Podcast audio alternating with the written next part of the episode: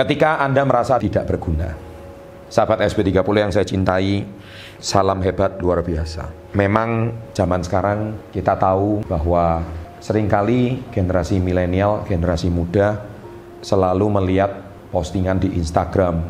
Anda melihat begitu enaknya orang-orang hidup di sosial media, begitu mewahnya hidup mereka, begitu tajirnya kehidupan mereka, Kenapa usia muda udah bisa sangat sukses dan kaya raya? Dan ketika Anda melihat postingan mereka, Anda merasa diri Anda semakin kecil, semakin merasa tak berguna, semakin merasa tak berdaya. Sahabat SP30 yang saya cintai, ketika Anda merasa dirimu tidak berguna, saya ingin berpesan satu hal kepada Anda Tahukah Anda bahwa ada sebuah penelitian mengatakan bahwa 90% orang yang muncul di sosial media hidupnya adalah fake atau palsu. Saya ulangi, fake atau palsu. Anda jangan menaruh harapan bahwa orang yang hidup di sosial media itu adalah hidupnya sehari-hari nyata seperti itu. Saya lagi saya katakan 90% tidak semua. Hanya 10% yang hidupnya real dan nyata. Dan ketika Anda merasa diri Anda jauh daripada orang yang Anda follow, akun influencer, artis, public figure yang Anda follow di sosial media.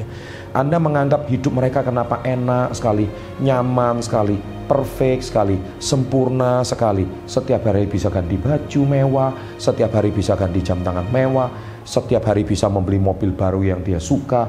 Wow, kenapa diri Anda yang merasa kecil berada di kos-kosan yang sempit, kemudian uang saku yang pas-pasan dari orang tua, kemudian penghasilan Anda yang tidak menetap, sehingga membuat diri Anda semakin lama semakin minder, tak berdaya, tak berguna, bahkan tidak berharga.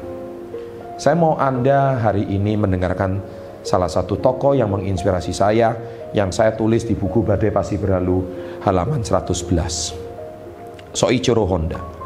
Soichiro Honda adalah pendiri kerajaan otomotif Honda di Jepang. Produk-produk Honda telah tersebar di seluruh dunia. Boleh dikata produk otomotif merek Honda saat ini merajai jalanan di seluruh dunia. Honda sendiri lahir pada 17 November 1906 di distrik Shizuoku, Jepang Tengah. Ia dibesarkan di tengah keluarga sederhana dan terbiasa melihat mesin-mesin reparasi karena ayahnya adalah seorang pemilik bengkel mesin-mesin pertanian. Ia juga kerap bermain dengan mesin giling padi di desanya. Hal itulah yang menumbuhkan ketertarikan yang sangat tinggi terhadap mesin. Di usia 8 tahun ia rela mengayuh sepeda sejauh 10 mil demi melihat pesawat terbang. Di usia 12 tahun, ia sudah mampu menciptakan sepeda dengan model rem kaki. Bakat dan ketertarikan yang sangat besar terhadap mesin membuatnya tidak fokus mengikuti pelajaran di sekolah. Karenanya ia selalu berusaha duduk di deretan bangku belakang dan menjauh dari pandangan guru. Nilaiku jelek di sekolah. Tetapi saya tidak sedih karena dunia saya di sekitar mesin, akunya suatu hari. Bahkan Honda pun juga pernah merasa dirinya tidak berguna.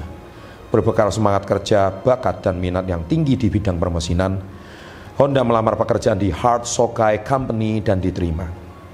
Selama bekerja, Honda menunjukkan kemampuan dan ketelitian yang luar biasa.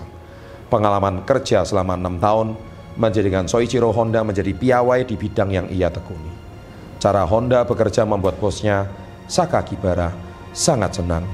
Sakakibara melihat Soichiro Honda cukup kompeten untuk menangani kantor cabang baru yang akan dibuat di kota Hamamatsu.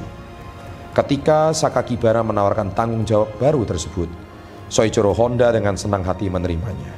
Di bengkel baru tersebut, Honda bersedia mereparasi mesin-mesin yang rusak parah atau sudah ditolak oleh bengkel-bengkel lain. Ia tidak segan menghabiskan waktu bekerja lebih panjang di bengkel. Selama mengembangkan bengkel tersebut, Honda benar-benar menunjukkan dedikasi, kemampuan, dan keseriusan luar biasa.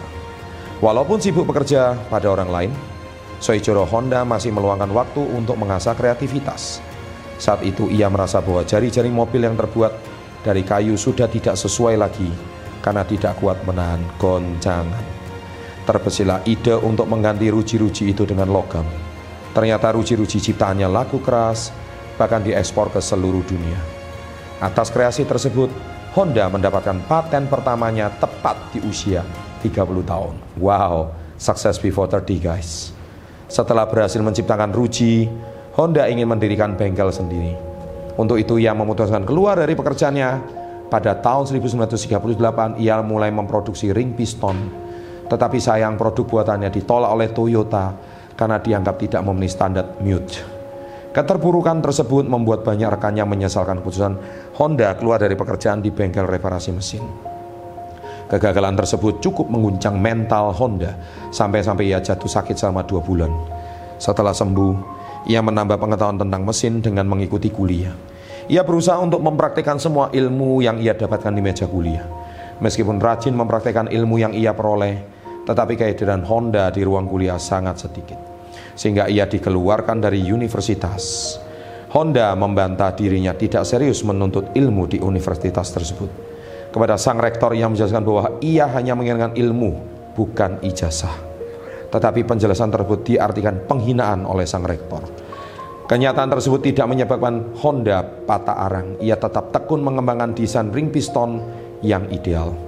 Ternyata ia mampu menghasilkan ring piston yang diinginkan oleh Toyota sehingga perusahaan otomotif tersebut bersedia menerima produknya diikuti dengan penandatanganan kontrak.